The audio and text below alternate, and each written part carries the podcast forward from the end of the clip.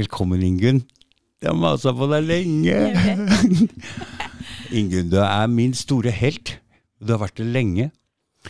Du Helt siden du meldte deg ut fra staten Norge, og det helt siden den 9-11-greiene, så har jeg fulgt med deg.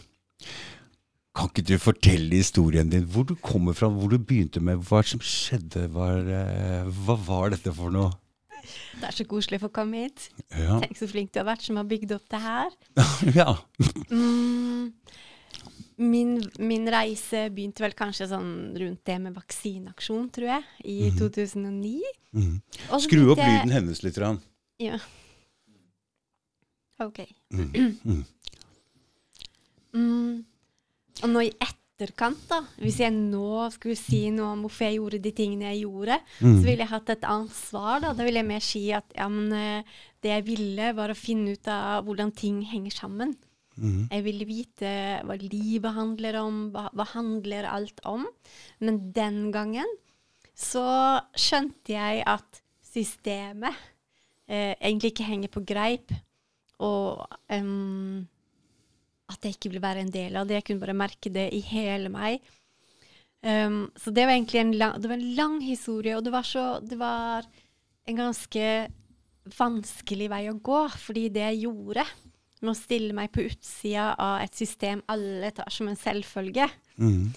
det ga meg masse kvaler og redsel. Og, så jeg møtte meg selv utrolig i døra i den prosessen. Og det skjedde mange ting. Så jeg mista huset vårt og masse ting Hva som var det for noe? Fordi du fikk en bot, var det det? Ja, jeg hadde vært arbeidsledig et år. Mhm. Så jeg fikk, og i den tida hadde jeg gått på engleskole i Oslo. Mhm. Med Märtha? Ja. Ja. Mhm. Så da fikk jeg en bot, en veldig høy bot, fordi da ble det sagt at jeg hadde tatt utdanning. Og for meg tror jeg det var Hva var den boten i Hvorfor fikk du boten? Jo, det var fordi da hadde jeg fått dagpenger i det året jeg gikk der. Å ja. Mm. Um, Men én ting, ja. fordi jeg har jo hatt det samme. Har du? Man har um, Eller jeg fikk dagpenger av Nav for å starte en bedrift, i hvert fall. Og det var lov. Mm. Men det var kanskje ikke helt det samme. Du søkte kanskje ikke, eller Jo. Jeg hadde, nei, fordi du vet, den skolen jeg gikk på, var seks timer i uka noen få uker i året. Kanskje 20 uker i året. Mm. Um, og jeg gikk der i tre timer i uka. Mm.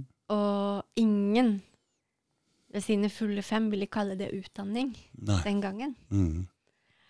Så det ville jo vært Jeg, jeg tenkte ikke over det engang. Jeg var veldig På den tida tenkte jeg jeg vil gjerne gjøre alt riktig og bra og si fra om hva jeg gjør, og, men det slo meg ikke, ikke et sekund, at jeg gjorde noe galt. Så jeg gikk der. Mm, men så, mens jeg gikk der, var jeg med på vaksineaksjonen og begynte å våkne veldig i forhold til det med svininfluensa, og skjønte at her er det et eller annet helt vanvittig gærent. Mm. Og når jeg tenker tilbake på den reisen etterpå, nå, så tenker jeg at egentlig er det utrolig kult, fordi noen ganger så er det litt som om livet nesten er en mytologisk reise, som Odysseus ute på eventyr, eller? Ja. Og du kan ikke helt forklare det. Det er ikke sånn at det henger helt på greip. Da. Nei. Men samtidig så var det bare så Jeg er så glad for det. Jeg er så glad for alt det som skjedde. Men du møtte mye motstand og mye rart som skjedde der, hæ? Folk var så gærne. Og jeg leste ja. det de skrev. Ja. Så det var, det var jo ikke gøy å lese det Nei, folk for du kommer sa. fra en liten by, ikke sant? Kom fra Skien den gangen. Mm. Så folk trodde jeg hadde Mhm. blitt helt gæren. Ja. Så det jeg gjorde, var jo å utfordre et system mange er glad for. Var glad for den gangen, i hvert fall. mm. Og sa noen ting som ingen kanskje hadde hørt om før. I hvert fall ikke så mye Skien, lille Skien. Mm. Så det er klart at det satte i gang en bølge av respons, da. Så, men det lærte meg utrolig mange ting, fordi jeg fikk lære hvor bra det er. Og du blir veldig godt kjent med deg selv da, når du står i en storm, og ingen syns du er bra. Alle syns du er teit.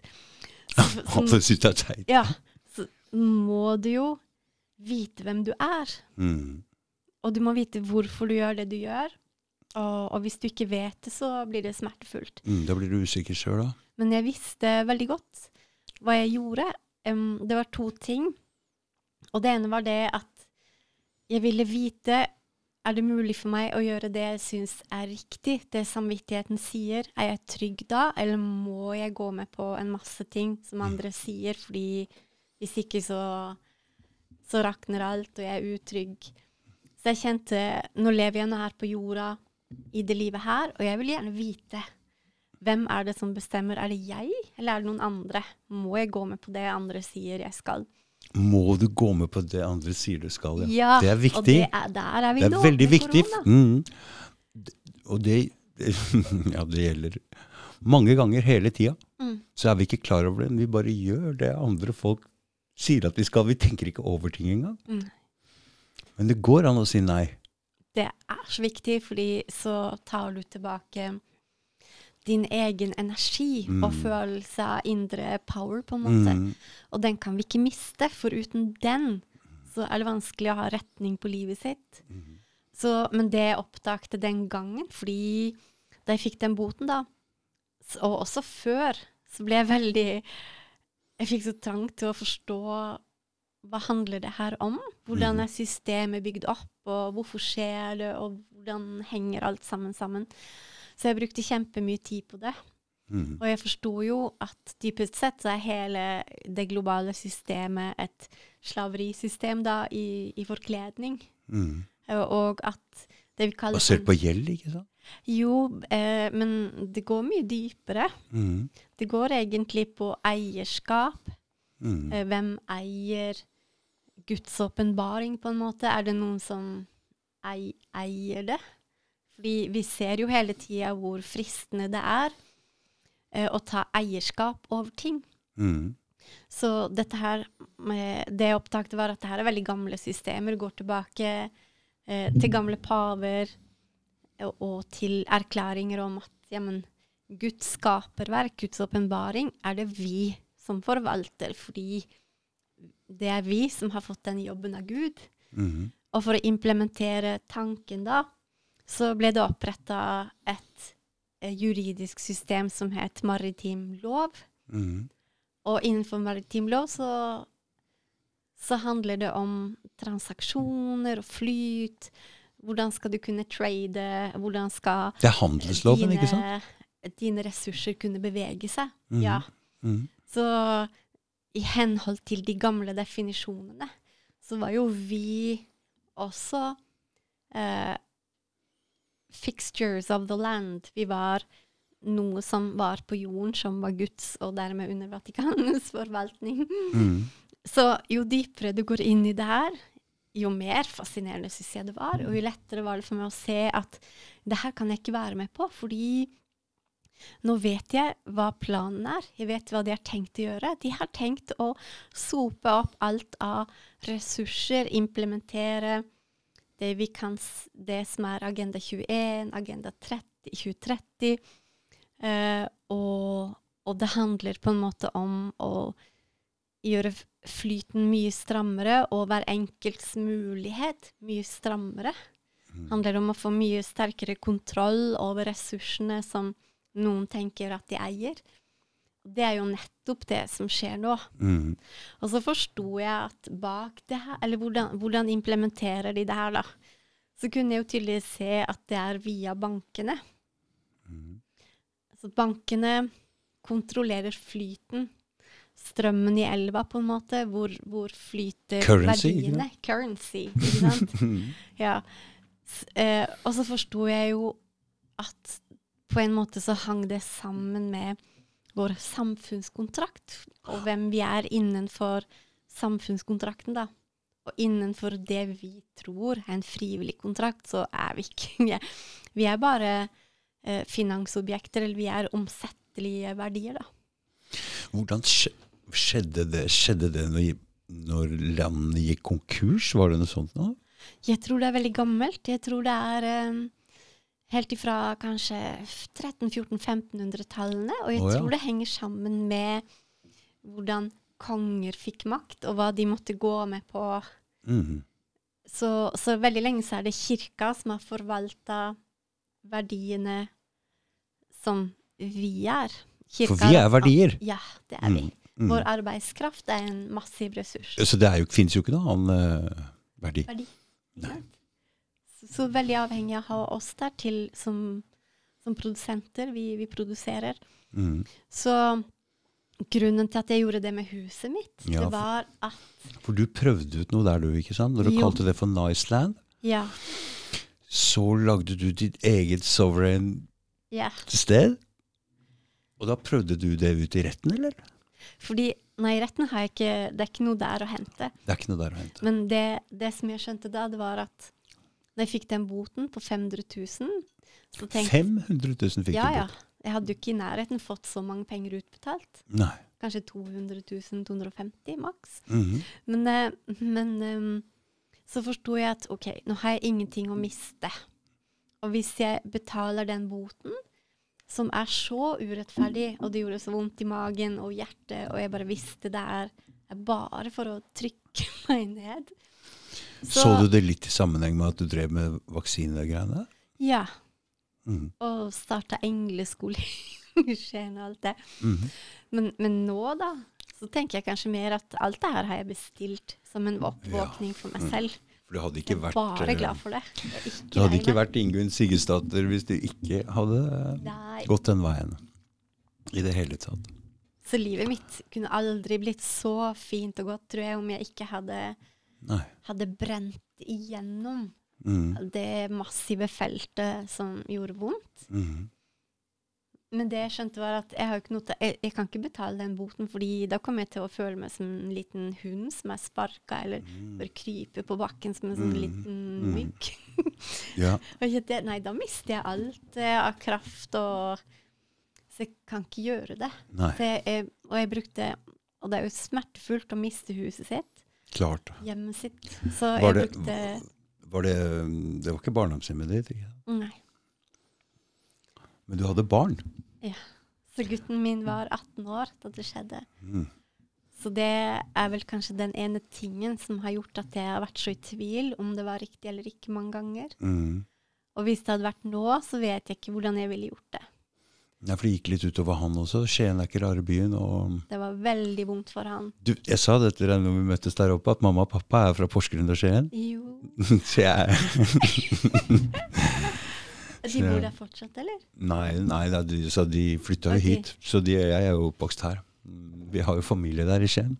Oh, ja, det er sant. Heter de Rogstad? Ja, de heter Rokstad. Men det er ikke så mange av de. på videregående med en fyr som het Rogstad. Men det var bare kusiner. Det var nesten ikke familie å prate om i det hele tatt. Ja.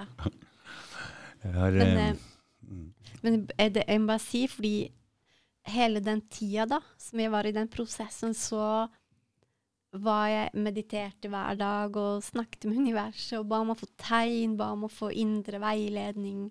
Hadde du noe som hjalp deg med å gå dypt i den materien? Fordi jeg husker jo dette her litt sjøl. Etter 9-11 så kom vi borti de frimannbevegelsen. Jeg syns det var noe av det mest interessante som var den gangen. Ja. Med Robert Arthur Menard Ja. som var så, forklarte dette på en sånn morsom måte. Men jeg hadde aldri noe kapasitet til å gå dypt i det og prøve å gå og lage dette over til en norsk variant, for det jo, var jo litt annerledes kanskje i Canada, spesielt som det var. Men du vet, det er jo de der pionerene som bare har gjort så banebrytende arbeid med å forstå. Mm, Og jeg lente meg så tungt til så mange. mm, Og hadde det ikke vært for alle de som hadde gjort noe på forhånd, som hadde satt seg inn i materien, greid ut for den utrolig nøyaktig, mm. utrolig detaljert og med perfekte referanser som gjorde at jeg kunne fly Men likevel så måtte det jo oversettes til norsk på en måte. For helt likt er det ikke. Um, Eller er det det? prinsi jo, Prinsippet er det samme. er helt like, og når vi er under maritim lov, så er det globalt. Mm, Det store handelshavet. mm, Og det, det vil alltid stå over en nasjonal lov. mm. Når du har med transaksjoner å gjøre, og det har du alltid når du bruker penger, så er det transaksjoner. Står det over nasjonal lov? Ja, lov? selvfølgelig. Ja, selvfølgelig. Eller, ja, det gjør det. Mm. Ja. Hvorfor? Ja. Hvorfor? Mm. Det er fordi at alle lov er hierarkisk. Så du jo lenger høyere du kommer opp da, i, i det juridiske hierarkiet, jo mer rett har du. Men skulle ikke Grunnloven være den sterkeste loven av alle? Jo, i, innen, hvis et land var autonomt, Mhm. og, og det var sant at her bor vi i en nasjon som er selvstendig, og ingen andre har noe med oss å gjøre, men det er jo ikke riktig. Det er ikke riktig. Så, så, så du vet at når du inngår transnasjonale avtaler, bilaterale, multilaterale avtaler, så gir du jo bort en masse hele tida. Og på den måten så har vi gitt bort suverenitet hele tiden. Men det jeg tror som um, Og jeg, har, jeg kan ikke bevise det, Nei. men jeg, men jeg syns alt indikerer det, er at når en nasjon låner penger mm. og ikke kan betale, så forfaller jo lånet. Og da Mhm. begynner innkrevingen. Mm. Så da går vi jo konkurs. Mhm. Så alt jeg har sett tyder på at når vi går i et konkursbo, eller bor i et konkursbo, så Mhm. kommer vi under administrasjon. Ja. For det er jo sånn. All, det er veldig logisk, er det ikke? Jo. Så, så det som skjedde, var jo at um, etter cracket i USA rundt 29, men egentlig lenge før, mm. så uh, reiste det agenter rundt fra Federal Reserve i USA og tilbød lån til nasjoner. Mm. Eller kanskje det var etter første verdenskrig. Mm. Ja. Men så kan jo konjunkturer eh, påvirkes. Så kollapser kan settes i verk for å få lån til å forfalle. Mm. Det er jo bare å skru igjen. Det er jo bare å skru krana igjen. Ja, ikke sant? Så Fordi, fordi dette er litt viktig også, fordi mm, så lenge så lenge penger kommer inn i systemet via lån, Nemlig. Så blir jo ikke rentene trykt opp. Og hvis du trykker opp 100 000 og du skal betale tilbake 130 så vil jo alltid gjelda stige og stige og stige. Og hvis det skrur igjen lånekrana da, så er det jo ikke nok penger til å betale låna. Så det er på en måte et skim, et pyramidespill, som, de, som de av og til skrur igjen på. Men jeg synes også når vi ser rundt oss nå, så forklarer det veldig mye. Fordi hva er det som det blir tatt pant i, da? Når en nasjon tar opp lån? Det er jo vår arbeidskraft, og så er det nasjonale ressurser. Mm. Så når vi ser rundt oss, så henger det jo ingenting av det vi ser rundt oss, henger på greip. Ikke noe som går på utsalg eh, av strøm, av rettigheter til å sette opp vindmøller. Alt dette her som er så invaderende og ødeleggende for naturen. Mm. Det henger jo ikke på greip. Jeg tror du kan spørre hvem du vil av vanlige folk, og de vil si nei, det vil vi ikke ha. Så hvorfor er politikere så ofte? Hva er det som gjør at de er så i ubalanse? Med folket, ja. Ja. Og det, for min del, er jeg helt sikker på at det er fordi det er låneinnkreving. Mm. Det er innkreving etter konkurs, da. Så det, så det, det forstår For det er veldig merkelig at alle land har gjeld. Eh, Ikke sant? Er det ikke det? Hvem har de Til- gjeld til? Ja, og det heter, hvem har de gjeld til? Er det, har vi til Frankrike? Har Frankrike til Sverige? Ikke sant? Er det det? Nei, nei. Det er ikke det. nei. Det er ikke det, ikke sant? Ja. Det er det folk tror. Ja, de gjør det. Så, så det der med å forstå, og jeg syns det er vilt interessant Ja. Jeg har veldig sånn at jeg vil gjerne forstå til bunns, da. Jeg Ja. orker ikke å ikke forstå. Så du har gått litt dypt inn i det her. Det er veldig interessant. Det er veldig bra at du har gjort. Nei, jeg har ikke gått Nei! Jeg har ikke klart, men jeg forstår, Du forstår jo alt. forstår lite grann. Jeg forstår lite grann av det. Det tok lang tid før jeg skjønte at penger er gjeld. Jeg har ikke skjønt. Ja. Jeg har ikke skjønt det ordentlig før nå i det siste. Jeg tror det må go- godgjøre seg litt. grann, Eller. Men jeg har jo Det er veldig bra at du tar opp det her nå. Det er veldig, veldig det, bekreftende. fordi det jeg tenkte den gangen, det var Jeg forsto at OK, Prat litt mer. Ta den Ja. mikrofonen sånn etter deg, eller vri deg, eller er det bra nå? Ja, du prater så mildt og Sånn, vet du. Og jeg har litt sånn høy stemme. Ja, det er bra. Så det, det jeg tenkte, eller det jeg forsto den gangen, da, som jeg Mhm. så komme Jeg så komme de tingene de gjør nå. Mm. Fordi hvis jeg hadde rett i det jeg syns jeg fant ut, så ville nødvendigvis utviklingen være sånn at da må det komme et økonomisk crash. Og, og det, fordi det har vært under planlegging veldig lenge. Mm. Og hvilke virkemidler vil de bruke for å få det til? Og et virus er et perfekt virkemiddel, på en måte, og, og noe som Ja. Fordi det som skjer nå Altså, alle bedrifter sliter med større gjeld. Fordi de har jo hatt stengt lenge. Og noen, altså, så prisene går jo opp, og råvarepriser går opp. Og Ja. fraktpriser Jeg kjører jo varer for Rema nå. Han fortalte at vanligvis så kjører disse flyene med passasjerer og varer. Nå kjører de bare med varer. Og det betyr at da må varene betale hele flypreisa. Så derfor så er det blitt dyrere med frakt. Og så jobba jeg jo med alt i asfalt, og de sa det mangler konteinere. Og de står i Suez, han. Nei, Jo, de, fordi de står på det skipet. Så de fikk ikke stein. Og hvis de mangler stein, så mangler det vel andre ting også. Så, så det kommer Og plutselig Og alle land har jo tatt opp store lån for å dekke alle de som ikke har vært på jobb. Dette her eh, lukter økonomisk kollaps. Men det jeg tenkte den gangen da med huset mitt, det var Ja. fordi jeg skjønte at OK, nå satser jeg huset, og så tar jeg en prosess med banken for å kanskje åpne et felt da, i folks bevissthet rundt hva Mhm. som skjer. Og det gjorde du. Ja, for jeg skjønte at jeg kommer aldri til å vinne det. Jeg kan bare glemme det. Mm. Jeg kommer til å miste huset mitt. Men det jeg tror Fordi det er veldig lett å bli veldig lei seg og tenke at ingenting av det jeg gjør, har noen verdi. Det er ikke noe vits. Jeg behøver ikke løfte en finger. jeg har aldri glemt det, Ingunn. Men det gjelder jo oss alle. Fordi jeg tror at alle de tingene vi gjør, enten det er negativt eller positivt, så eh, skaper det et felt i Mm. det astrale, og effekten Det vil komme en effekt. Mm. Uansett. Mm. Ikke sant? Så Ja, jeg har aldri glemt det du gjorde. Aldri. Og det har satt seg som en sånn sånn bauta altså, av, av de tinga. For jeg syns det var så For det var, er viktig. Det var viktig, og du ser det samme greiene nå kommer med common law, nå kommer det, Ja, og, det og, og det frøet da, som ble sådd den gangen, Mm. det har på en måte blomstra opp litt og kommer nå sterkere, større. Og det er viktig. Det er en stor del av oppvåkninga. Jeg skulle ønske noen flere ville komme og snakke om den biten her på podkasten. Jeg vil gjerne Jeg syns det er en viktig del av hele greia. Kanskje det ikke vil skje, men i hvert fall det er en stor del av oppvåkninga. Ja, fordi det er litt som når du forstår at alt det du har trodd på, ikke er sant, Mm, så blir det umulig nesten å fortsette som før. mm, Og, og det er jeg kjempeglad for korona, fordi jeg tenker at det er nesten umulig å holde på de gamle trossystemene fordi det, ingenting henger på greip. Og for de fleste så merker de det i magen at det er noe gærent her. mm, Noe Ja. er ikke sant.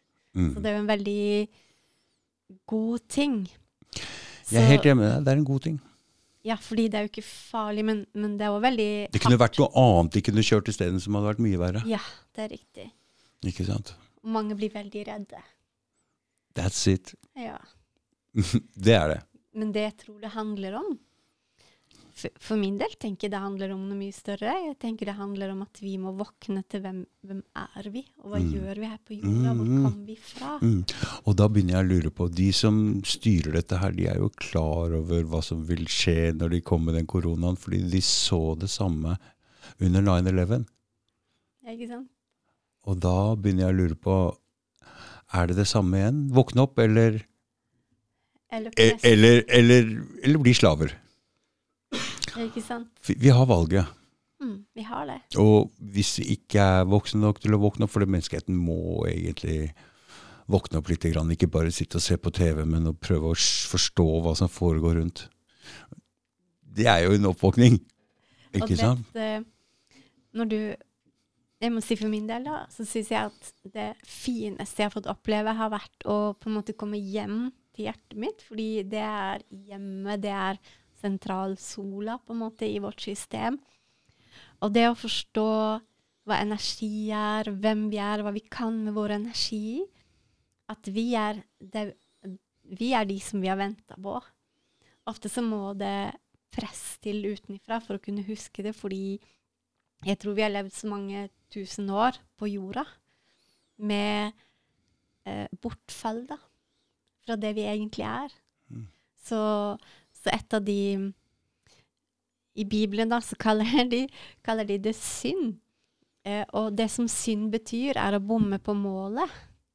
Mm. Og det jeg tenker, det er at målet er å huske at alt egentlig er kjærlighet. Men, men det å eh, gi alle sin energi og sin kraft til systemer ut fra frykt for represalier For de fleste tviholder på sine liv og sine valg fordi dersom de skulle komme til å slippe det, så er de redd for at hva kan da skje? Mm. Så det er jo frykt, tror jeg, som gjør at vi holder på systemer som for lenge siden har gått så far out og blitt så destruktive, så ødeleggende og dystopiske at vi, kan ikke ha. Så, så hva er alternativet? For meg så er alternativet å våkne inn i. Altså forstå at med Men er ikke det samme altså, Jeg føler hele tiden at det å våkne og forstå ting Hvordan ting fungerer i verden, og det å gå litt innover i seg sjøl og forstå i, de, de, de, de to tingene eh, henger litt sammen. Ja. Ikke sant? Fordi hvis du ikke tør å gå inn og se på det som er inni hos deg sjøl, så tør du heller ikke å se det Fordi det er ganske skremmende, kan være. Mm. Begge deler. Mm. Så jeg føler at de to tingene henger litt sammen. Jeg tror ikke du kommer så mye lenger å forstå og tørre å se utover hvis du ikke tør å se inni deg selv. Det er akkurat det, tror jeg òg. Mm. Og jo dypere inn Og du, det kan hende vi må ha en provokasjon for å Man komme må. inn. Man må det. Fordi man forandrer seg ikke heller før man må. Nei, det er riktig. ikke sant? Og hvorfor skulle man Ja. Hvorfor skulle man når man bare glir gjennom livet og alt går sånn noenlunde hvorfor, hvorfor vil man inn og se på sine egne feil, sine egne Og innrømme Hvorfor trenger man det, da? Fordi det er jo Det er så mye å hente der. Jeg tenker at selve gullet og glede Alle vil jo bli glad. De vil være lykkelige. Mm. Og hvordan blir vi det? Jeg tenker det er å komme helt inn i oss selv, til den kilden som vi er lagd av.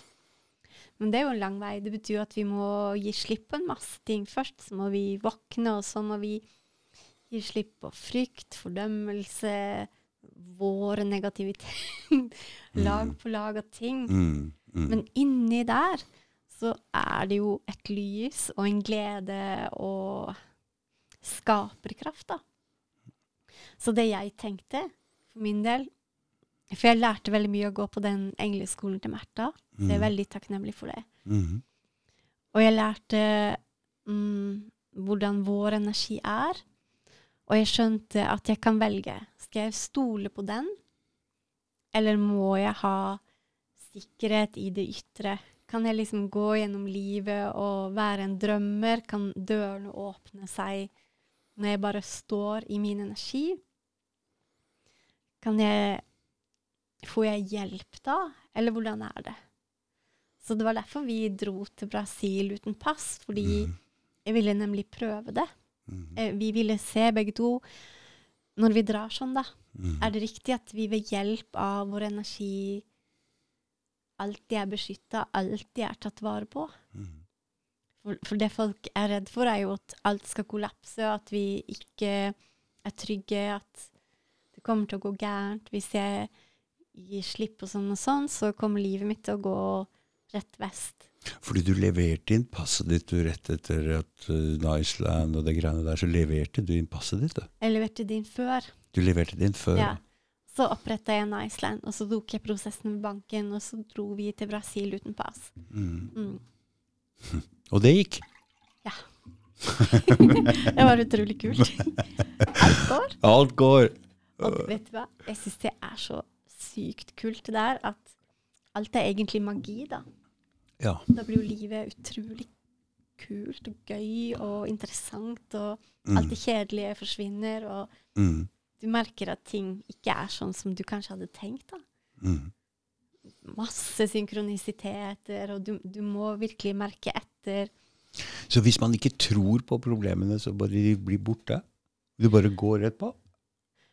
Jeg tror kanskje at det er litt sånn indre kung fu Kung, kung fu? Kung fu? Kung fu. Kung fu. Mm. Kung fu. Mm.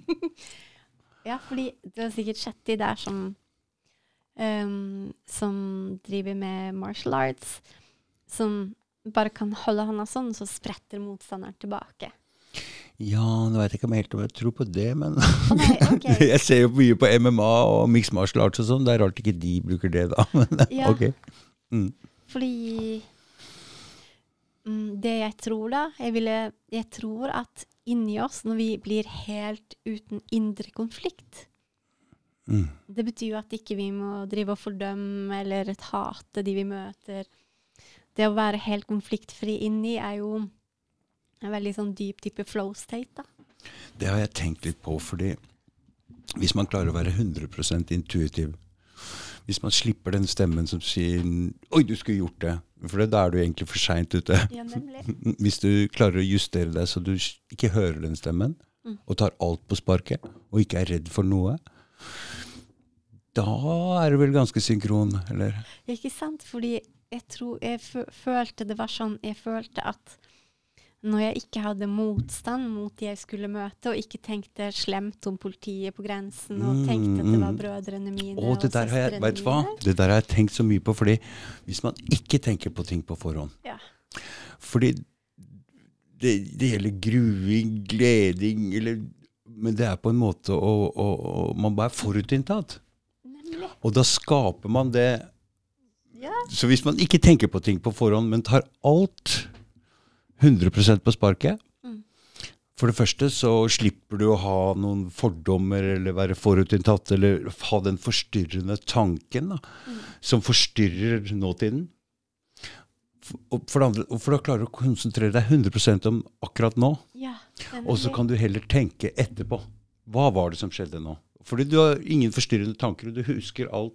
Du har vært 100 til stede. Mm. Og det er det samme jeg gjør med den eh, samtalen her, og jeg tenker ikke på noen ting på forhånd. Fordi det er um, det, det vil bare være forstyrrende. Jeg tenkte nettopp på det i stad, at det er utrolig flyt når vi snakker sammen.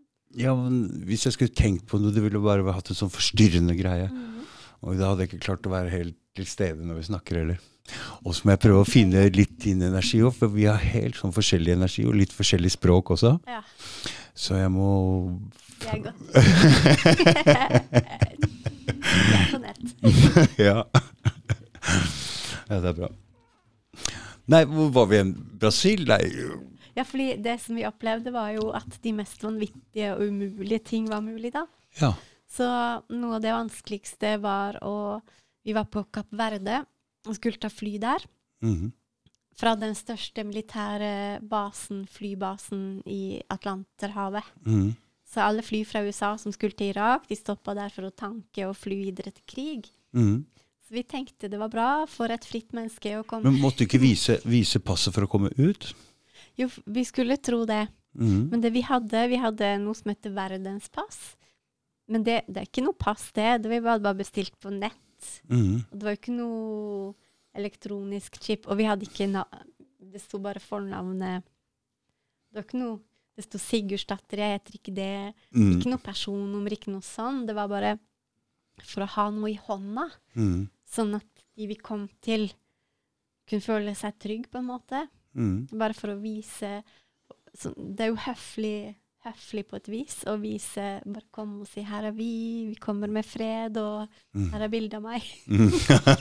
Her er bildet bilde av meg. Ja, ja. Men, men alt skjedde skjedde veldig sånn Alt var ren magi.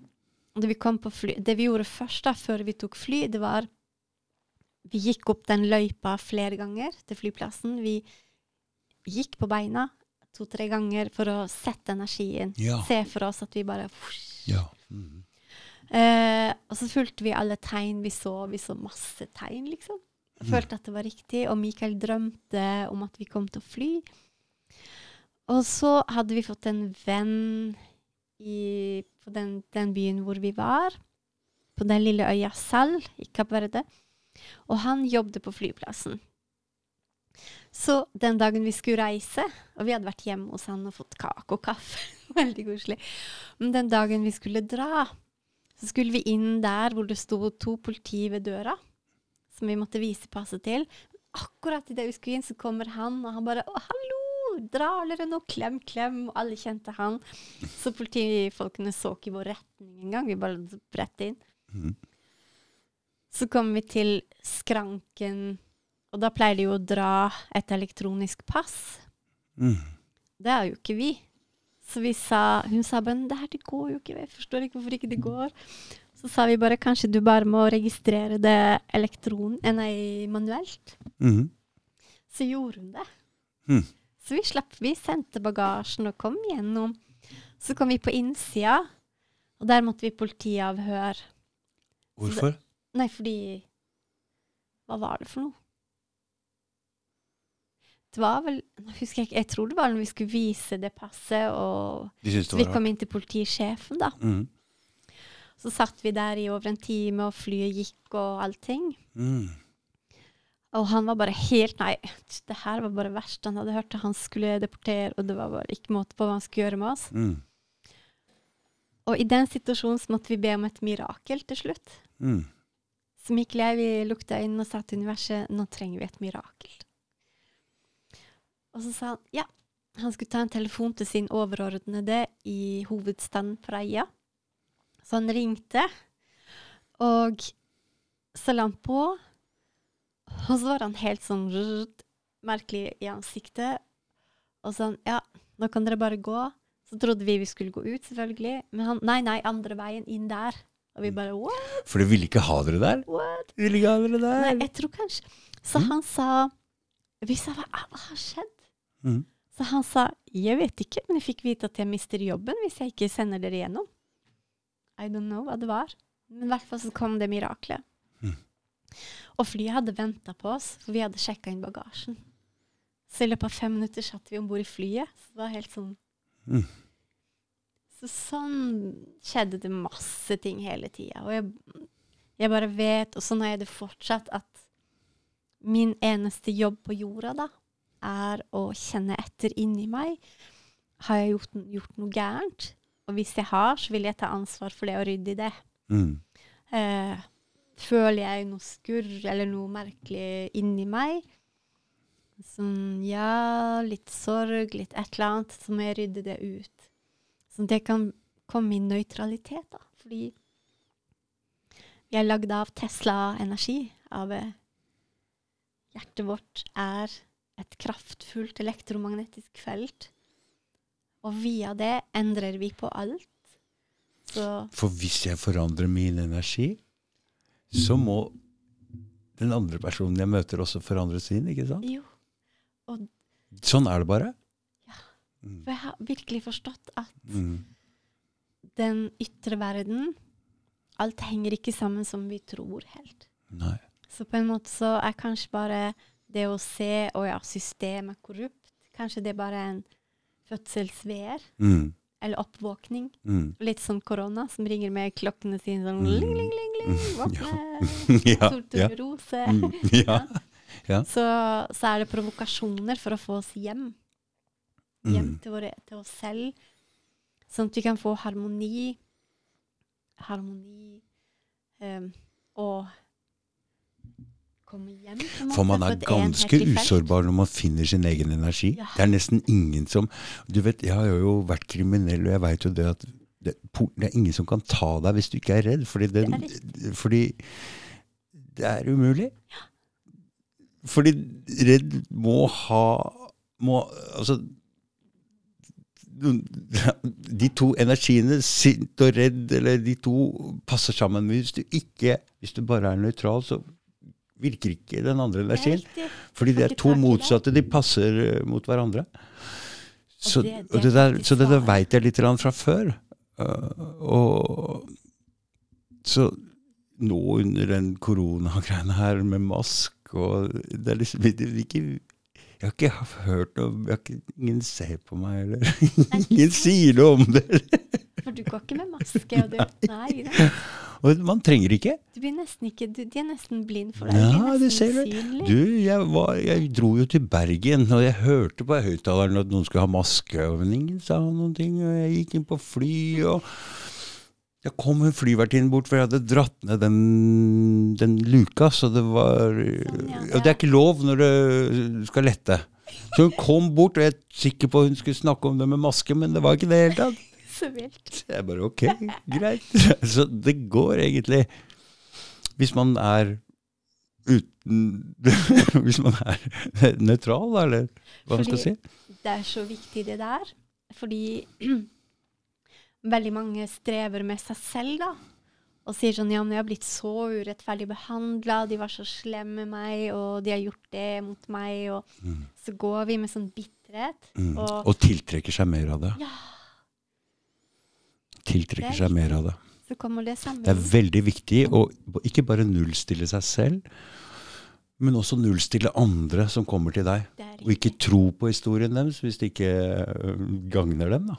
Ja. Nullstille dem, så de har en sjanse til å nullstille seg, i hvert fall overfor meg. da. Ja, tenk. Gjør du Ikke sant? Jeg er nullstiller. Har du nullstilt meg?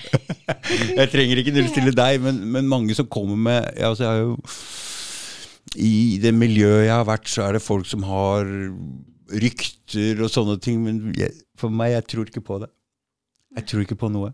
Og da, da gjelder det ikke. Det er riktig. Det gjelder ikke. Og da slipper de. Vet, Da slipper de å gå og være den er personen. Som alle andre har klistra på de at Ja. er. Mm. For det ja. Det er sånn, sånn det fungerer. det som skjer da, er jo at livet blir bare helt nydelig, fordi plutselig så tror du ikke på andres Eller Andre det- hva andre har gjort. Nei. Har ikke Nei. noe med deg å gjøre, og Nei, du kan bare nei. elske de alt du vil, fordi Og andre folk, hva de sier. De sier så mye rart. Jeg kan faktisk ikke høre på dem. Eller de skal få lov å snakke, men jeg tror ikke på dem. Nei, det går ikke. Men jeg har tenkt mye på det der, fordi sånn som under korona, så er det veldig vanlig, og det er veldig lett å forstå, at du leter etter syndebukker. Og hvem har skylda? Jo, det er de. Sant? Mm. Og så oppretter du et, et energetisk felt, rett og slett, med sånn Mm. dualitet og splitt og hersk og kamp, og jeg må vinne, for jeg har rett. Mm. Og, og hvor mye vi svekker oss selv gjennom det. Mm. Og hvor kjipt livet blir. Men, men, men eh, jeg skjønner jo nå at mange eh, men, men det er jo viktig å opplyse om urett, om, Ja. om, om urett og om feil og sånne ting òg, men på en måte så er det ikke riktig likevel. Nei. Men jeg finner ut at all, mange ting har to svar. Ja. To motsatte svar, som begge er riktige. Så, så jeg vet ikke. Men det er sant, når vi er med og sier sånn om de tingene, så er vi egentlig med og bare bekrefter det. Ikke sant? Jo, jo, det er vi nemlig. Å gi det mer energi. Gi det mer energi. Men samtidig så er det jo noe med å se gjennom. Fordi eh, verden rundt oss vil jo gjerne at vi skal bekrefte den. Mm. Og Ja. hele det kollektive systemet som vi har i Norge, det er jo en kollektiv drøm. Mm. Det er jo her skal vi alle sammen gå i samme vanvittige retning. Mm. Og hør nå her, nå må du tro på denne drømmen her, fordi den er vi enige om alle sammen. Ja. Uansett hvilken sinnssyke galskap som det da blir, og hva du da skal gå med på, skal du plutselig gå med på at det er OK å ta en masse liv i andre land. Ting som er Mm, helt for det var det en av grunnene til at du leverte inn passet, det med Libya, ikke sant? Jo. Mm. Jeg kan ikke Jeg kunne merke Jeg kan bare ikke være med på alt det der. Nei. For det er mye urett som Norge er med på, og folk er ikke interessert i å høre om det. Ikke Nei. i det hele tatt. En middag på Facebook får 100 likes, men hvis du prøver å peke på noe som er feil Ingen bryr seg. Er det ikke rart? Jo.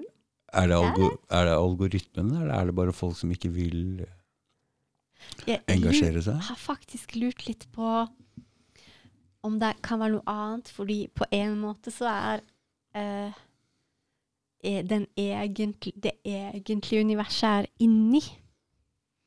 Og i det ytre så er det på en måte negative, eller det er um, jeg, jeg tenker litt at alt som vi ser rundt oss, på en måte er metaforer, på et vis, da. som skal fortelle oss et eller annet for å få oss hjem.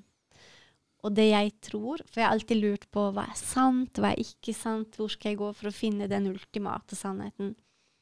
Og jeg tror den ultimate sannheten er at kjærlighet er svaret. For vi er lagd av den energien. Mm. Og universet er lagd av det. Og så har vi masse sånne subnarrativer som har kommet for, på grunn av forskjellige årsaker. Mm. Så på en måte så er det veldig lett for oss å ta historien i det ytre veldig alvorlig.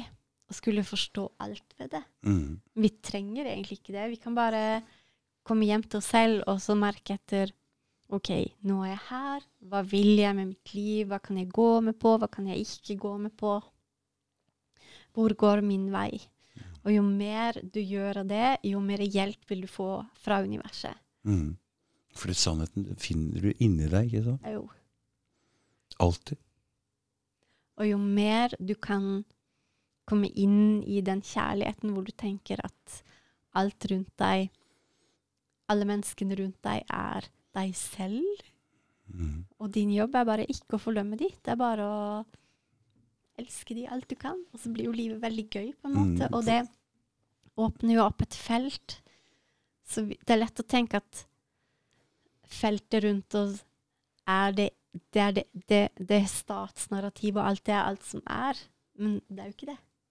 Mm. Det er jo masse dimensjoner, masse ting. Så vi finner jo et område hvor vi kan gå så trygt gjennom livet, hvor det skjer gode ting hele tida, hvor alt er fint.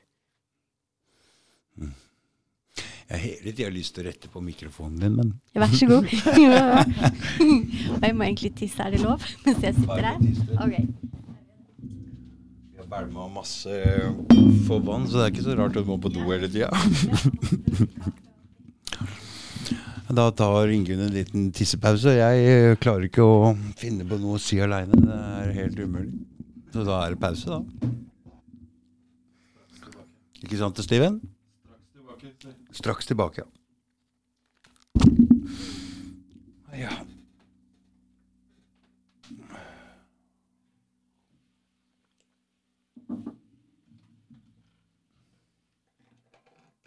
Hvor lenge har vi holdt på? Tre kvarter?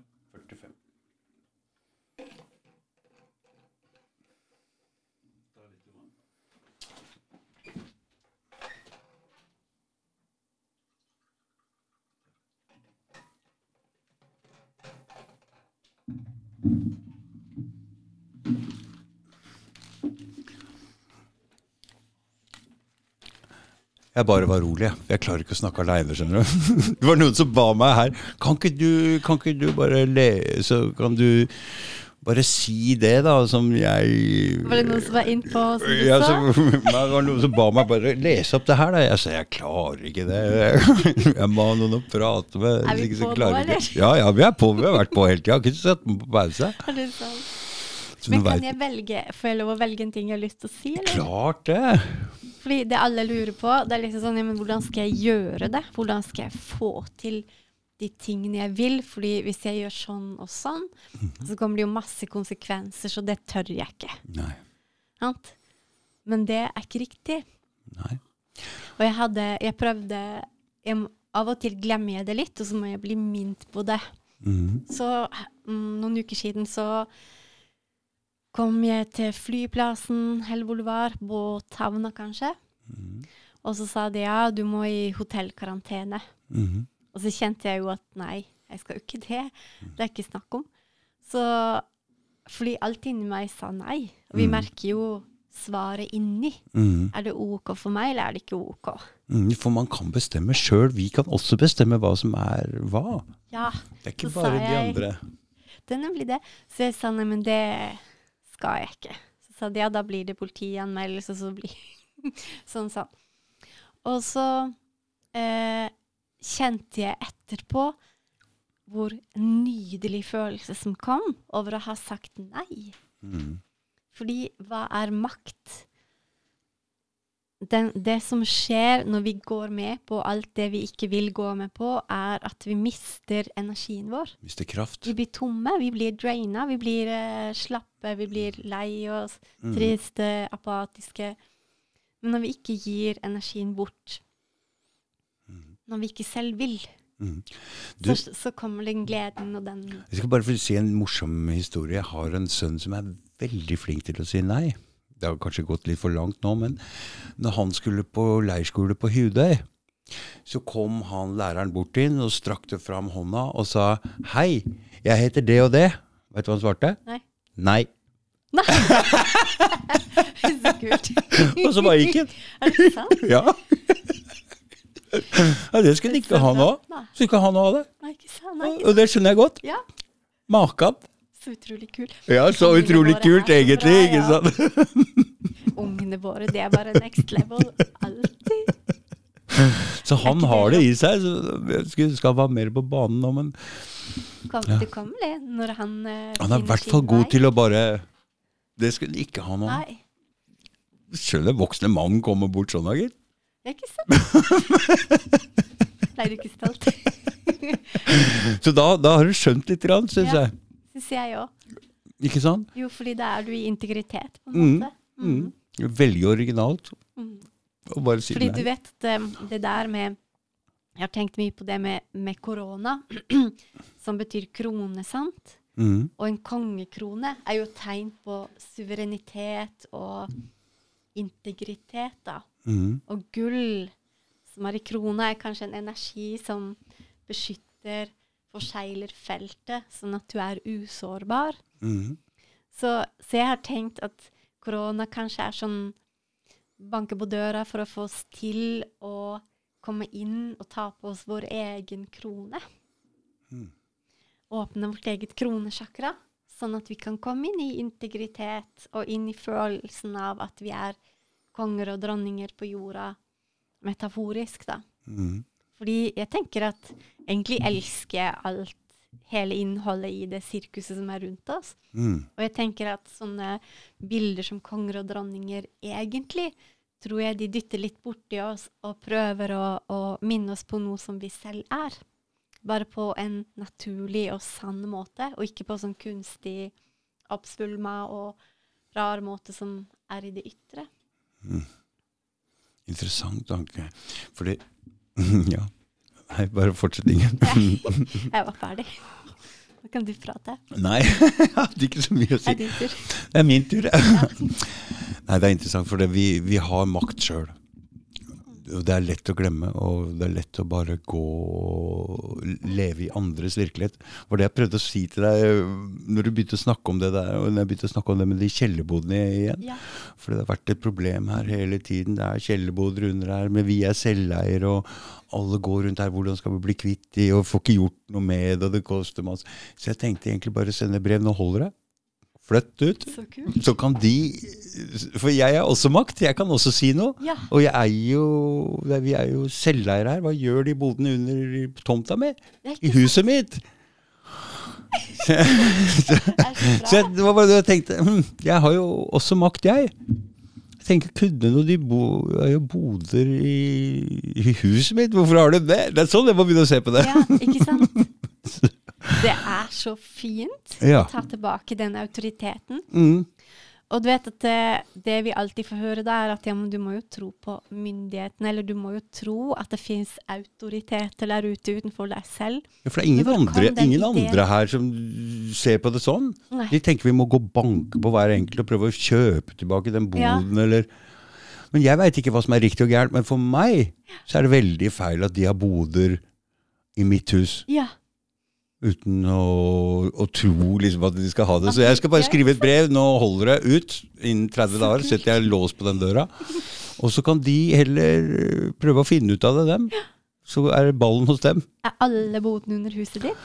Ja, alle bodene for alle rekkehusene er under uh, dette huset her. Er det sant? Og alle liksom har prøvd å kjøpe ut, oh, ja. og ingen Tre stykker har gjort det, men tre stykker vi kommer ikke ut i hagen bak. Men Kan de ikke dette bygge var seg jo bode utenfor sitt eget hus? Nei, for det, var, skjedde før vi var selveiere. Mm. Men nå eier vi jo alt sammen selv, så jeg Jeg aldri jeg tenkte hele tida hvordan skal jeg ordne det der? er Men jeg skal bare snu på det. jeg vil også bestemme. Ja. Kommer du og ordner Og så får vi se hva, hva som kommer ut av det. Mm, Jeg må få noen andre til å skrive brevet, da. Jeg kan skrive. Bare skriv. Vi ordner det etterpå. ja, vi tar det etterpå. Ja. Det blir morsomt. Nei, det er, eh, nei, det er interessante tider vi er i nå. Den koronaen der, som du sier, det er en eh, blessing in disguise. Jeg tror det. Ja, det tror jeg òg. De kunne ikke finne men, men er det sånn at vi gir dem oss en sjanse her, eller? Fordi ikke kom og si Men at det ikke mener du da? mener du eh, de som styrer verden? Ja, eller? de som styrer verden. Sånn, ja. Om vi får en sjanse. Ja. Det, det jeg tenker som er innmari viktig, det er fordi det skjer noe når vi tar makten tilbake til våre liv. ja, men vil de det? Nei, fordi, men jo, men det vil skje noe da. Fordi på en måte så er alt vi opplever, speil, da.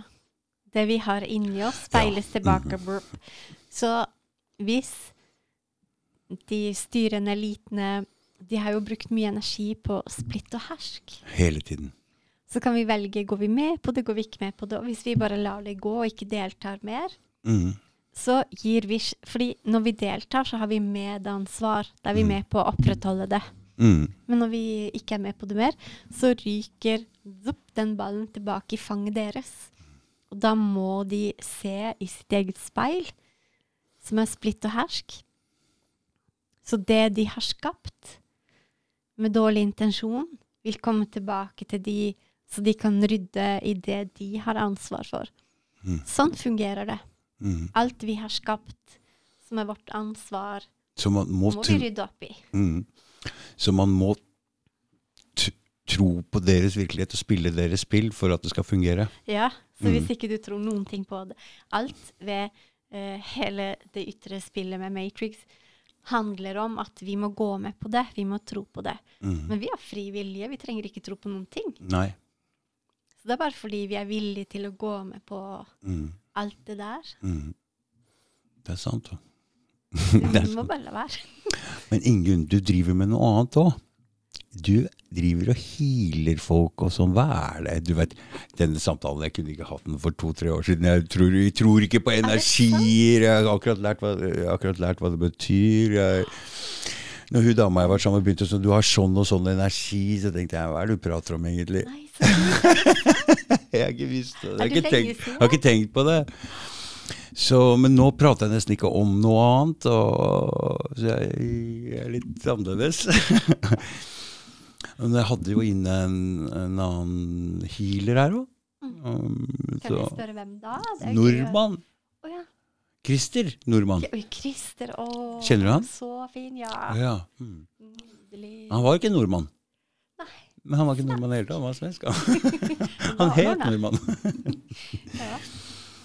Nei, det var fint at han var her. Ja, nei, det var fordi vi prata noe om Jeg prata med en jente om det med Joe Dispenza.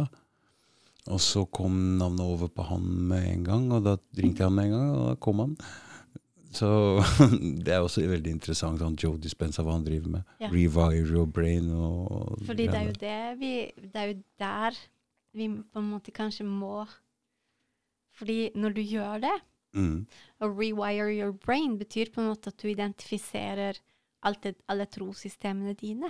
mm, Vi tror på så mye rart. vet du. mm, Så når vi kan se hva det er, og så bli kvitt det, mm, så det ryker ut av vår energi, så får vi jo et renere og renere felt og får mer og mer koherent eller sammenhengende energi. Så det Joe Dispenza sier, er jo at vi må komme inn i en energi hvor hjerne, hjerte, alt vil det samme, og du ikke har indre konflikt inni. mm, For når vi har indre konflikt inni, hjernen tenker bla, bla, bla, og så hjertet «Åh, jeg vil noe annet. Mm, og magen sier 'Å, jeg er så lei meg, fordi da jeg var to år, så skjedde det'. mm, Så, så blir det så mye kaos inni. mm, Så du får ikke kraftfeltet ditt opp å gå, da. mm. Er vi inne på noe chakrasnakking her nå, eller? Jeg tror, det jeg har sett, det er at alle gamle mytologier, Mm, Bibelen, eh, Upanishadene, hva som helst, sier helt det samme. Budskapet i alle religioner er helt likt. Og det handler om at det er tre energier som må spille på lag. Det er disse i, Iblant indianere i Mexico så sier de pachamama, pachapapa, og hjertet må være i samarbeidet. Og de kristne sier at ja, men det er Fader, Sønn, Den hellige ånd. Mm. Og, og andre sier andre ting. Mhm. India, eh, nei, vikingene sier at livets tre sier noe om hvordan energi sirkulerer. Mm. Fordi når vi forstår at vi Men nå dytter jeg på den, altså. Og jeg unnskyld, kom sånn. Ja, Tror jeg. OK. Takk. Har du skrudd opp hennes lyd, eller? Det er toeren av henne, tror jeg. Eller?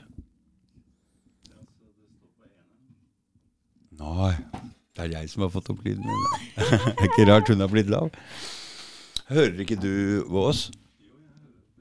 Mm.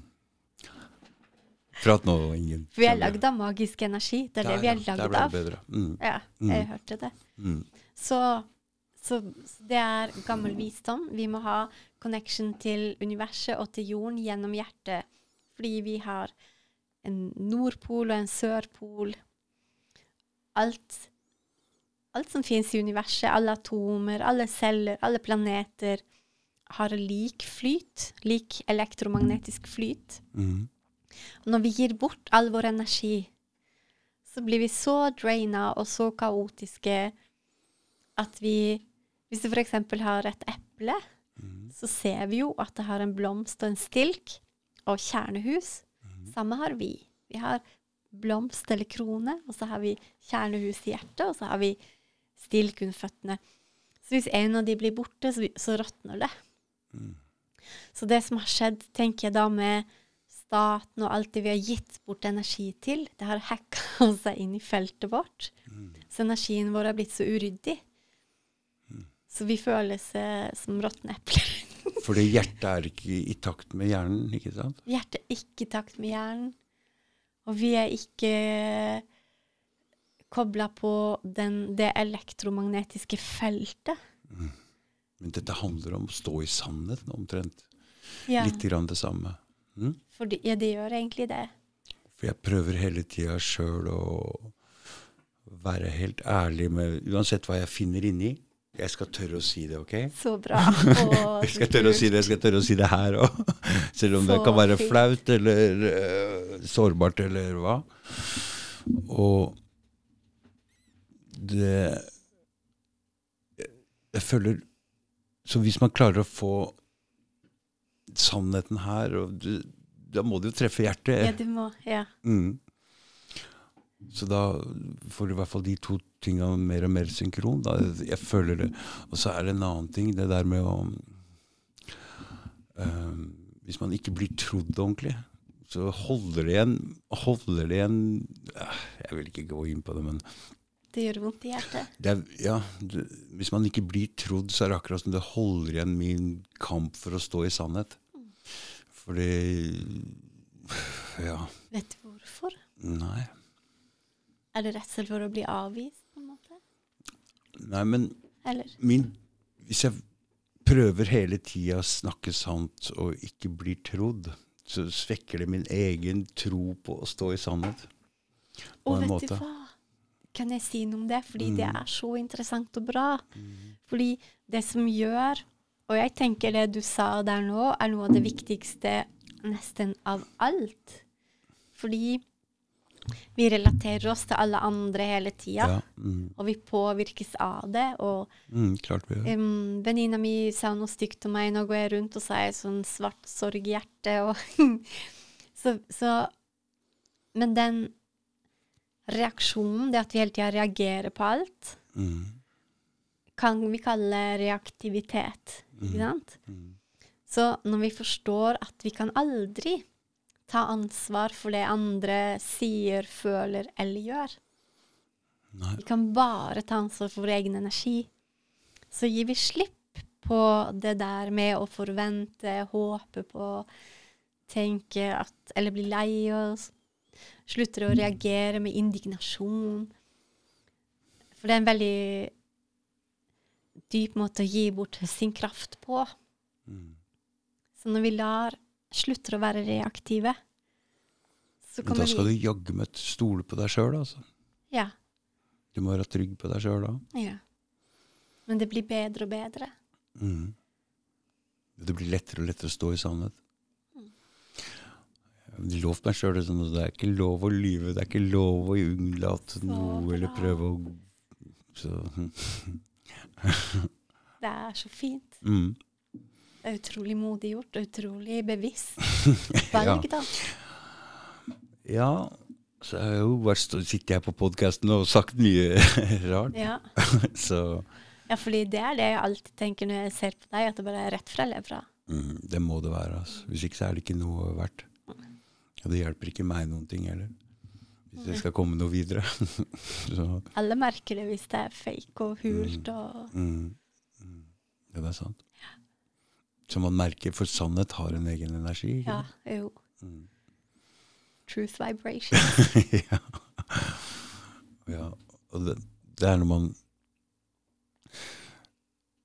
Det er jo den sannheten man kjenner Hvis man kjenner etter hva som er riktig og gærent òg. Ja, ikke sant? Så her om dagen så hadde jeg tenkt Jeg ønska meg et sånt vektløftebelte. Sånn til å henge vekter i. Mm. Og så så jeg et nede på banen der, Mm. og så tok jeg det med meg hjem. Og det lå i skapet der. Jeg, hver dag jeg må Endelig jeg fikk godt av Henke på gjerdet der. Så deilig. Tenkte faen, Å, så deilig. Jeg er på læppet. jeg skal ikke ha det! Det var ikke mitt belte. fysj Fisja meg. Ja. Nei, det går ikke. Det ødela for meg. Mm. Så man må hele tida være Prøve å Ja, hva skal jeg si. For jeg har tenkt mye på det, her, fordi vi er jo innmari opptatt av at vi skal liksom ha sånn og sånn for å lykkes. og Vi vil gjerne ha et fint hus, vi vil gjerne Mm. få til det, vi vil gjerne ha bra jobb. Ha en masse ting, da. Mm, For å, å kanskje hente verdi derfra inn i eget liv. mm, Men, men jeg er veldig Jeg forstår veldig godt at den ultimate verdien er den gleden vi er lagd av. det skjønner jeg, men du skjønner, for en mann som er en provider, Ja. så har vi det instinktet at vi må ordne noe. Og én ting er at vi liker å gi, menn liker å gi. Og hvis vi ikke har noen ting, så har vi heller ingenting å gi. Nemlig. Så man må i hvert fall ha oh, ja, noe såpass at man kan ha noe å gi, da, for det er det ultimate av alt. For det, det kjenner man i hvert fall. Ikke, Det, det gjelder sikkert både menn og damer, men menn er vel litt mer materialistiske styrt enn damer. Fordi det er jo tross alt mannens jobb og har vært i alle hundre år å skaffe levebrød, skaffe ting, skaffe Mm. Så Det er jo så dypt i oss, det der. Ja, det det. Trangen til å gjøre det godt for hverandre. Mm, Det er jo mm. så mm. og, og mange sier sånn Ja, men tenk om ikke vi hadde hatt de sosiale systemene, det ville bare kollapsa alt sammen. Men jeg tror helt motsatt. Ja, fordi tror jeg. Mhm. jeg tror vår natur er at vi liker å gjøre hverandre glad, fordi Ja. ja, det er ikke tvil om det. Nei. Det er det eneste som Hvis man kan hjelpe noen, gi noen, du bare merker det med en gang. Du får Ja. tilbake alle andre steder. Ja. Så det er helt sant. Og det er jo litt med at når du gir Fordi alle de mysteriene i universet, hvordan fungerer ting, da? Vi tror vi må ha et sosialt system, alle må betale skatt inn der, og så får vi noen eh, ører tilbake. vi får en eller annen fake trygghet i form av sånn sånn.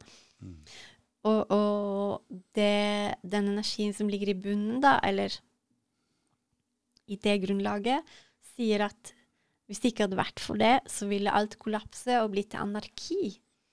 Men det som skaper eh, kaos, vil jeg si, er når vi ikke står i oss selv, men går med på ting. Og da kommer det sånne kjipe, dårlige løsninger som ikke er gode for noen. Alle blir lei seg av det. Mm. Men når vi står i oss selv, så Fordi oppretter vi speil med alt det vi gjør. Så når vi gir, får vi. Mm, For sånn som samfunnet fungerer nå, å gå på sosialen, du føler deg dårlig. Mm. Andre dømmer deg.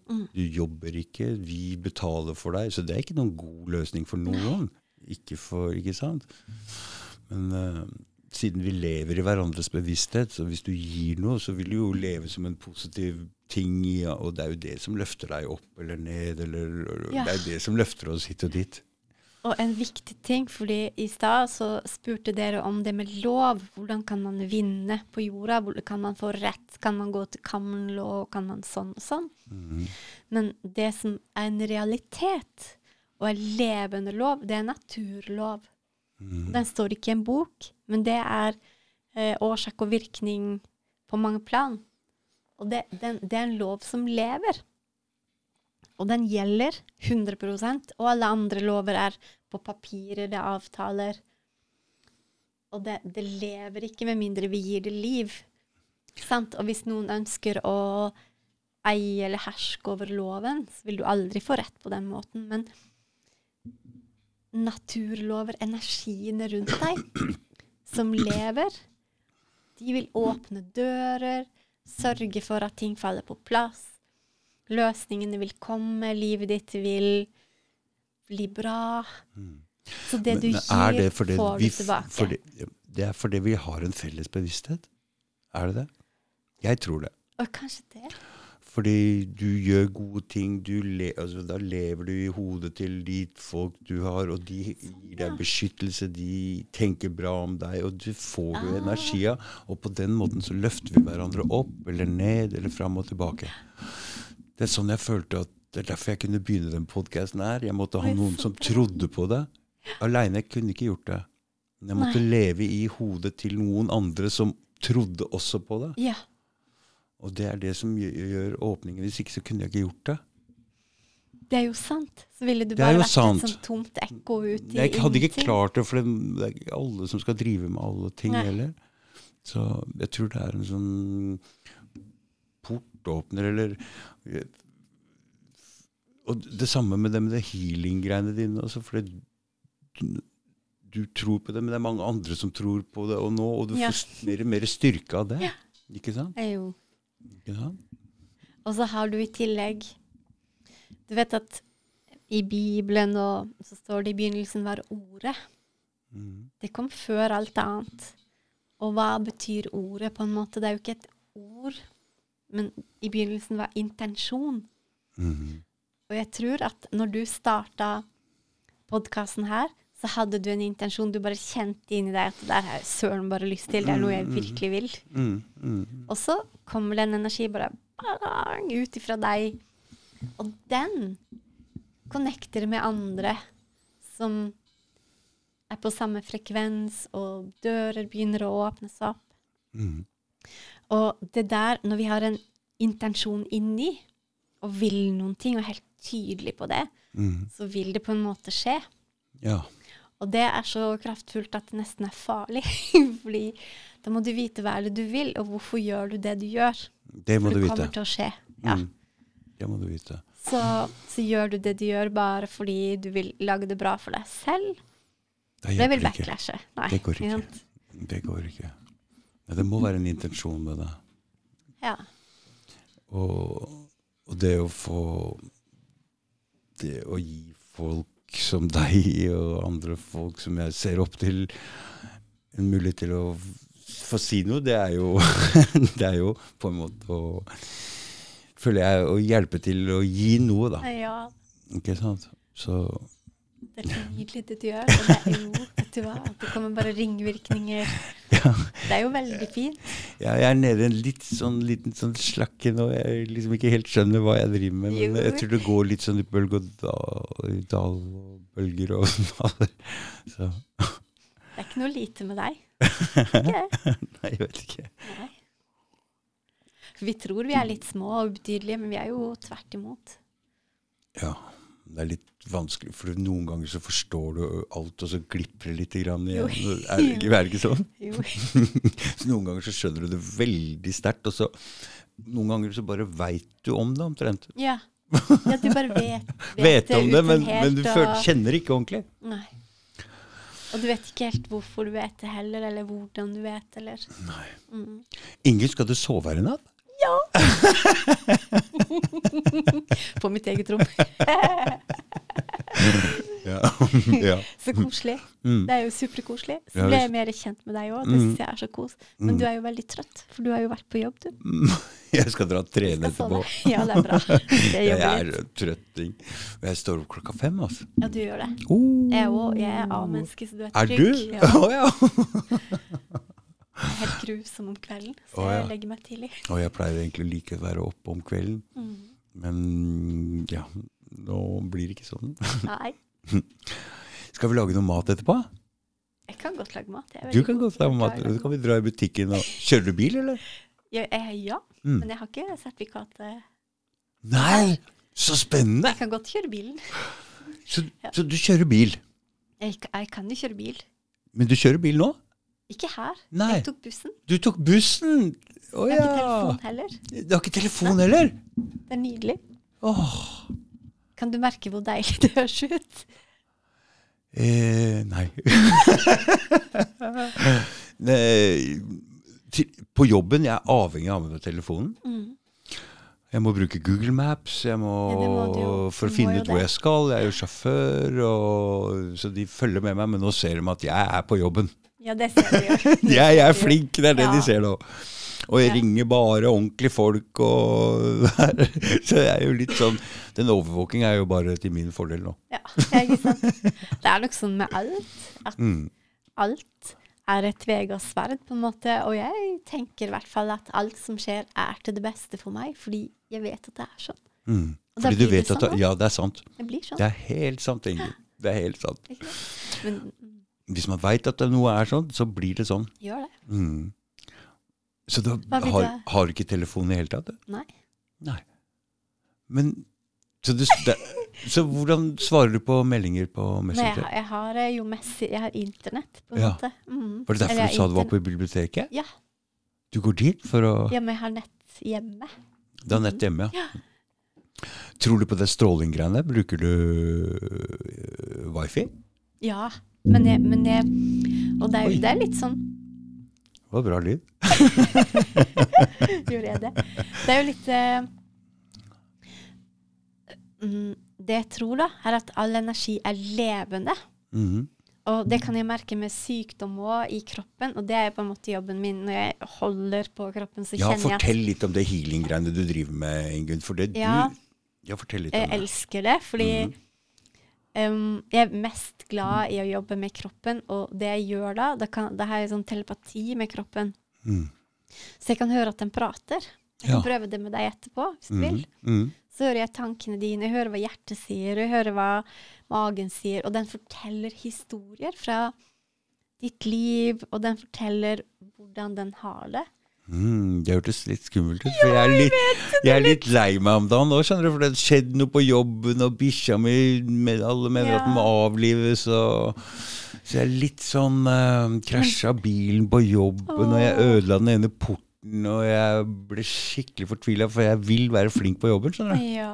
Det er viktig for meg. For det, øh, ja, det er viktig at jeg føler at jeg er flink. ja. Fordi Ja, det, sånn er det bare. Når du har det sånn, Mm. så, og vi da møter eller snakker tilbake, Mm. så løfter vi energien. Og da gir det slipp, og så blir vi rolig og glad på nytt. Og på samme måte så vil eh, 5G ha følelser. Det høres ko-ko ut, men det er en vibrasjon da, som du kan connecte med. Mm. Så jeg prøvde det. Jeg snakket med et wifi-tårn. Ok. Og så kjente jeg at den energien som kom derfra, den var utrolig redd og trist og tung, og som et mishandla barn, på en måte. Mm. Og jeg tror at da kan jeg snakke tilbake og, og endre energien til kjærlighet og glede. Og det er det healing er. Mm. Vi kan endre energien i alt Mm. når vi møter det. Tror du ikke på det? Altså, du tror på det? Mm. Good Jeg, for me. jeg kan ikke Jeg kan ikke Jeg kan ikke si at ikke det er sant. Ikke For alt, for er jo vibrasjon. Med og, alt, ja, alt er det. Mm. men, men det, som, det er så lett å tenke at det er en teknisk, fysiologisk ting, da. Mm. Men egentlig så er det levende bevissthet. Alt, all bevissthet er levende, observerende. Det fins ikke ting som, energier som ikke er bevisste. Mm. Men nå fortalte jo jeg deg at jeg har vært med på en healing sjøl også. Ja. Men, men den kan jeg jo egentlig forklare logisk hvordan skjedde. Hvordan vil du forklare det? Nei, det Eller- var jo all den preppinga på forhånd, og så kom så Jeg vil ikke gå inn på akkurat det nå, men, men, men at det skjedde, og at det er fakta, og at den personen ble forandra etterpå, at vi ikke nå forandra barndommen til den personen, Ja. det er jeg ikke tvil om. Nei. For det har jo skjedd. Så det er ikke noe Altså, vi sådde kjærlighet til faren til det mennesket det inn, inn i Det tok litt tid før det, før det satte seg. Men den opplevelsen var så sterk at den blir aldri borte. Og den kjærligheten har hun til faren sin nå Ja. ennå, og den lagde vi. Er det ikke fint? Og det er jo Men jeg kan jo egentlig forklare litt logisk hvordan det skjedde. For det var jo en prepping der, og det var jo sånn og sånn og sånn. og sånn, Så det var egentlig en slags oppskrift på hvordan man kan gjøre det. Ja. Men fordi Men energien inni henne blir en annen. Ja, ja, ja. Men det som er litt morsomt her, det er at det, når den law of attraction kom, når The Secret og alt det der kom, så fungerte den bare for jenter. Fordi jenter har en sånn magisk tro at, at sånt bare kan skje. Og da skjer det. Mens menn må på en måte forstå det litt mer logisk. Og når jeg kunne forstå det logisk Jeg tror at både, hvis den, både den mannlige logikken og den kvinnelige eh, magien, ja. de to til sammen, kan danne en helhet av, av hele bildet som gjør at både menn og damer kan forstå og tro på det og se at det kan skje. For det er egentlig ikke så veldig magisk, eller det er ganske Nei, det er logisk også. Ja, og, og når du ser Vi har forandra på en del andre ting også. Og det handler om å stå i sannhet. Det handler faktisk om å gå opp og Når man lever eh, Altså nå prater jeg om noen andre, men hvis du lever i en slags Hvis familien din ikke vet alt det du driver med, og du på en måte blir det vanskelig for familien å connecte til, med deg, men hvis man går opp og synkroniserer seg litt, Ja. eh, forteller er sant. sannheten lite grann, så blir hele kjemien, alt sammen, forandret. ja. Hele energien i familien blir forandret. Så det å prøve å stå i sannhet, selv om man tror at, uh, at det kan være For det er faen ikke lett å stå i sannhet alltid. Nei, det er ikke lett. Ikke sant? For man må stå og si ting som man kanskje man sårer andre, eller man tør ikke fordi man tror at man blir Men det er det viktige og det riktige, fordi man kan ikke finne hverandre energetisk uten at man på en måte sier hvem man er. Det er sant. ikke sant? Jo. Og da må man nesten fortelle ting da, som Ja. har skjedd, eller som gjør at klarer, man klarer å være på nett sammen. Og det er så deilig, og så viktig å få til. Ja. Det betyr så mye. Mm, for jeg har sett stor, stor forandring. Altså, på at det Har har du det med familien din? Nei, det, det har ikke skjedd med meg. For jeg, min familie har jeg alltid vært dønn ærlig med. Ja. De veit alt. ja. Jeg har aldri giddet å ljuge. Så jeg har hatt et helt merkelig forhold her hjemme som gjorde at jeg trengte ikke å ljuge hjemme. Så nydelig. Og det har gitt Det har jeg hatt Først så tenkte jeg pappa, hva faen er det du driver med, liksom, som ikke har tatt tak i Har du latt sønnen din drive og selge hasj der borte, og alt har vært greit, Ja. liksom? Så jeg tenkte, hvorfor, hvorfor gjorde du ikke noe med det? Så jeg tenkte um, Men det som skjedde, var at plutselig jeg fikk en sånn åpenbaring om at at um, Fy faen, for en tillit du har gitt meg. meg. ja. Oh my my god, du har vært med meg hele tida, stolt på meg hele oh, tida. Og det har vært Når jeg tenker jeg plutselig Hvem var faren min? Jeg tenkte å, det er den energien, ja. Den energien, ja. Som har vært med meg hele livet og hatt full tillit uansett hva jeg har drevet med. Den energien har gitt meg en sånn selvtillit i det miljøet som har gjort at jeg har vært helt usårbar. Ja. Og gjort at jeg bare kunne gått igjennom og hatt sånn tro på meg sjøl, fordi han har hatt den troa på meg. Så når jeg plutselig skjønte Ok, og så gikk det to-tre måneder, så, så, så tenkte jeg Hei, Hva betyr det der at du tenker Faen, pappa, hva er det du har drevet med? Og så til å tenke Å, Wow. så bra tillit det betyr. Fordi hvis jeg, når jeg tenkte det første tanken Hva er det du har drevet med? Hvorfor tok du ikke tak i det der? Fordi jeg har ikke klart meg i livet. Den andre tanken er helt motsatt. Du har gitt meg full tillit. Tusen takk skal du ha. Ja. Fordi jeg har klart meg. Nemlig. Og de to den, det- det- når, når jeg skjønte det tre måneder etterpå, så snudde alt for meg. Er det sant? Fordi det er jo to totalt forskjellige ting. Jo. Så jeg har jo ingenting annet enn stor takknemlighet for at han har gitt meg den tilliten. Så, så det var sånn det egentlig begynte med, at jeg hadde forandra på min egen, egen eh, oppfatning av hva faren min, hva det egentlig var, til at vi gikk løs på en annen person og hennes mangel på kjærlighet, og forandra Ja. på den også. Når jeg så hva slags ringvirkninger det fikk i etterkant. da. Ja. Så det var det som egentlig satte meg på ideen går det an å forandre på noe så grunnleggende, og, og, og få en forandring i livet. Og det gjør det. Jeg, jeg det Ikke sant? Men dette er jo litt logikk også. Når man først får grepet på det, Ja. og skjønner hvordan det fungerer, så kan man forandre på ting.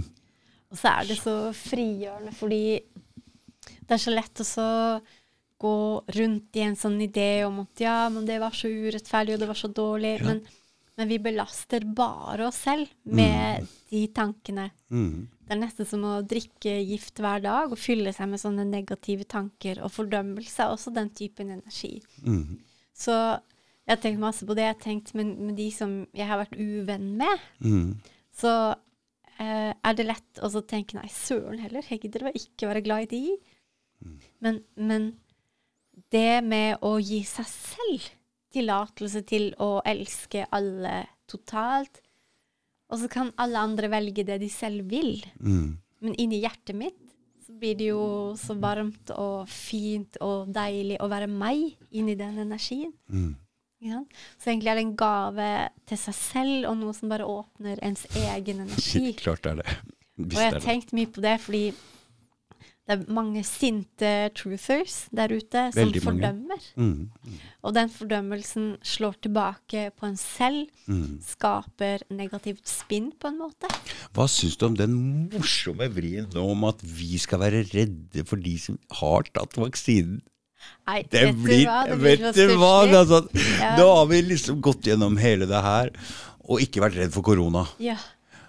Og nå skal vi være redd for de som har tatt vaksinen! Det er altså Nei, nå får du, får du holde opp. Altså, Og så er det på en måte litt fristende å være redd for de òg, fordi det er akkurat som om det er lett å få lyst til å straffe de litt når de var så tett, tett og ikke trodde på oss. ikke sant? Men, men, men det er jo bare Tenk hvor knøttsmå vi blir hvis vi skal tro på det der. nei. Vi må jo bare Nei, jeg er uten frykt, jeg. Ja. Ja, no fear. Jeg gidder jo ikke ikke være sammen med vennene mine som har tatt vaksine. Nei, jeg bryr meg ikke om Skal jeg det. miste masse venner eller familie? ja, ja, jeg jobber jo sammen med folk. Jeg driver og maser om det der med folk. Ja. Dessuten, jeg veit jo ikke jeg er jo ikke så veldig Men hver gang jeg driver og titter på det vaksinegreiene, så er det for mye rart til at jeg gidder å ta den. Men jeg gidder ikke å sette meg inn Jeg er ikke etterforsker eller Jeg har ikke tid. Jeg jobber og driver podkast. Jeg har ikke tid Ja. til å sette meg inn i ting. Så veldig mye, men jeg leser Ok, jeg tar den ikke. jeg skal Det ikke ha den. Dessuten så tror jeg ikke på det koronagreiene heller. Nei. Så jeg vil i hvert fall ikke ha den. Nei. Og så er det mye penger i det der, og den der farma Pharma, Big Pharma. Jeg så en der dokumentar her. Ja. om den opiodkrisen og fentanyl og den Ja. andre eh, morfinpilla si, Oxycontin. Mm. Om hvordan de visste om det hele tiden og bare kjørte på. Mm. Og det er det disse folka vi skal stole på når det gjelder vaksinen? Nei takk, altså. Men altså blir det jo litt sånn at når du ikke står i deg selv, da, og ikke mener noe, ikke vil noe, ikke har en intensjon for ditt liv, så går du med på masse crap. Og da skjer jo alt det der. Eller det er jo det som skjer. At da tar andre makt og kontroll, bruker deg til det de vil, da er du marionett for masse agendaer. Mm. Så det viser jo så tydelig hvor viktig det er å stoppe litt opp, og så bare spørre hvem er, sje hvem er sjefen i mitt liv? Ja. er det noen andre enn meg selv? Hvordan ble de det? Mhm. Hvor kom det fra? Du vet, Jeg føler egentlig at jeg jobber nå litt At det er frivillig at jeg jobber. Er det sant? Fordi nå er jo husleia her nede på et minimum. Ja. Og litt penger har jeg fra før. Mm. Og Så jeg jobber egentlig fordi jeg vil. Fordi jeg vil. Så jeg sa jo ja til å jobbe i sommerferien og alt mulig for å kanskje få en annen jobb. Og, og det blir en helt annen, eh, helt annen eh, Energi. Helt annen energi på det enn at man føler at man må. For plutselig blir jo livet veldig gøy. Og jeg tenker Men at har det ikke vært så gøy, den jobben? Det har vært veldig vanskelig. Slitsomt. Jeg har stressa med det. Og, Ja. og, men ok, jeg har gjort masse feil. Og det har ikke vært så gøy hele tida. Men jeg tenker at jeg kanskje vokser litt på det. da. Ja, og lærer meg noe som er et Jeg føler at dette er faktisk et yrke. Den andre lastebilsjåførjobben jobben var kanskje ikke et yrke i den forstand. Dette er mye vanskeligere. så jeg syns det var så kult, fordi det er så lett å velge noe vi ikke er redd for å gjøre noe feil. ikke sant? Det Mm. gjør vi jo hele tida. Vi tenker Mm. jeg må velge noe som vi aldri kommer til å gjøre feil eller tabbe meg ut. Uff, jeg surrer og henger etter og stresser og prøver å bli fort ferdig og driter i pausen og Er det noen som har hørt på podkasten din på jobben din, eller? Du, det var en som sa hei, du kjenner, kjenner ikke du Finn André? Og da var det en som satt på kjørekontoret der som hadde sett en podkast om en ekskjeltring hvor uh, Ja, den var kanskje var ikke så Så den hadde han sett. Jeg sa ok, greit. Ja. Så det var noen, men Vet du, det jeg bare elsker med det du gjør, er jo at podkastene dine er jo så fine, og de får jo fram eh, Alle kan kjenne seg igjen i de som kommer. Og vi er jo like alle mann. Jeg ga jo ut den her med um, en annen venn av meg, og den var jeg litt i tvil om. For det. Ja, det var det noen som skrev en melding til meg at den podkasten må du bare slette med en gang. Han det inkriminerer seg sjøl og okay. Men jeg har prata med henne etterpå at uh, jeg tror nok vi har god koll på det der. Vi veit hvor okay. Jeg syns det var litt rart òg, fordi her sitter vi, vi har lekt med politiet siden vi var drittunger begge to. Jeg tror vi veit akkurat hva vi Hva kan, kan si og ikke kan si. og hva de eventuelt vil prøve å lage en sak på, og hvor mye de- Ja. straff de vil oppnå for det. Og Ja. Jeg tror vi veit det der, så okay. jeg tror ikke Nei. Og han vil jo merke inni seg, fordi det er jo nydelig å være modig og bare si ting. Ja. Det er veldig befriende å si sannheten. sånn Sannheten setter deg faktisk fri. Ja. Det er det den gjør. Så du slipper å gå og late som noe eller ikke. Det er sant. Det er sant. Jeg har et par sannheter til som jeg har uh, liggende klar til en god anledning. da skal vi gå litt i de seksuelle problemer og litt sånn, tenkte jeg. Ja. Med en passende anledning. Det er deilig å ha gode menn som kan uh, ta opp alt. Ja, Det er veldig viktig. ja, det er i hvert fall litt sånn For en mann så er jo det litt sånn Litt vanskelig tema. Så Du vet, jeg tror alle kvinner blir veldig trygge og komfortable med menn som bare kan si alt. mm, Jeg tror den nærheten og den, det motet mm, er vel det en blir glad for i en mann. mm, men, Ikke hvordan han eh, Nei, men du sier det det på liksom podkast for hele verden er kanskje litt rann ja, annerledes. Men man må jo ha noe å by bra. på. Ja, det er ikke sant? Jo. For hva er det hvis du ikke tør å si noe Hvis du ikke er, tør å gå til bunns? Det er jo ingenting. Så fint. Ikke sant? Jo. Og det er så viktig fordi alt er jo på en måte energi, og i seksualorganene våre sitter det jo masse minner. Det er mange greier som gjør at vi ikke kan få det til, Mm. som vi skulle ønske, hvis det er det. Mm. På en måte At ting ikke flyter, så kan det Mm. ofte være fordi å, ja, det sitter det følelser som jeg holder på, eller et eller annet. Mm. Ja, for du hyler og sånn? Ja, ja.